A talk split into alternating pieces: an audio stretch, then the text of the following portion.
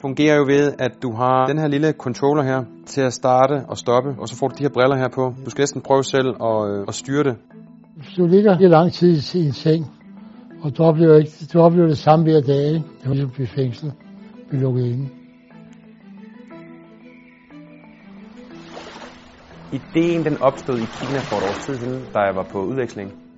Universitetet, hvor jeg studerede, havde et uh, virtual reality lab, og da jeg selv har mistet bedsteforældre, så tænkte jeg, at man må kunne bruge virtual reality som noget underholdning, og måske også motiverende i forhold til at, at bevæge sig øh, i denne her indlæggelsesperiode. Vi tror på, at det her virtual reality-koncept, det kan, det kan forbedre livskvaliteten.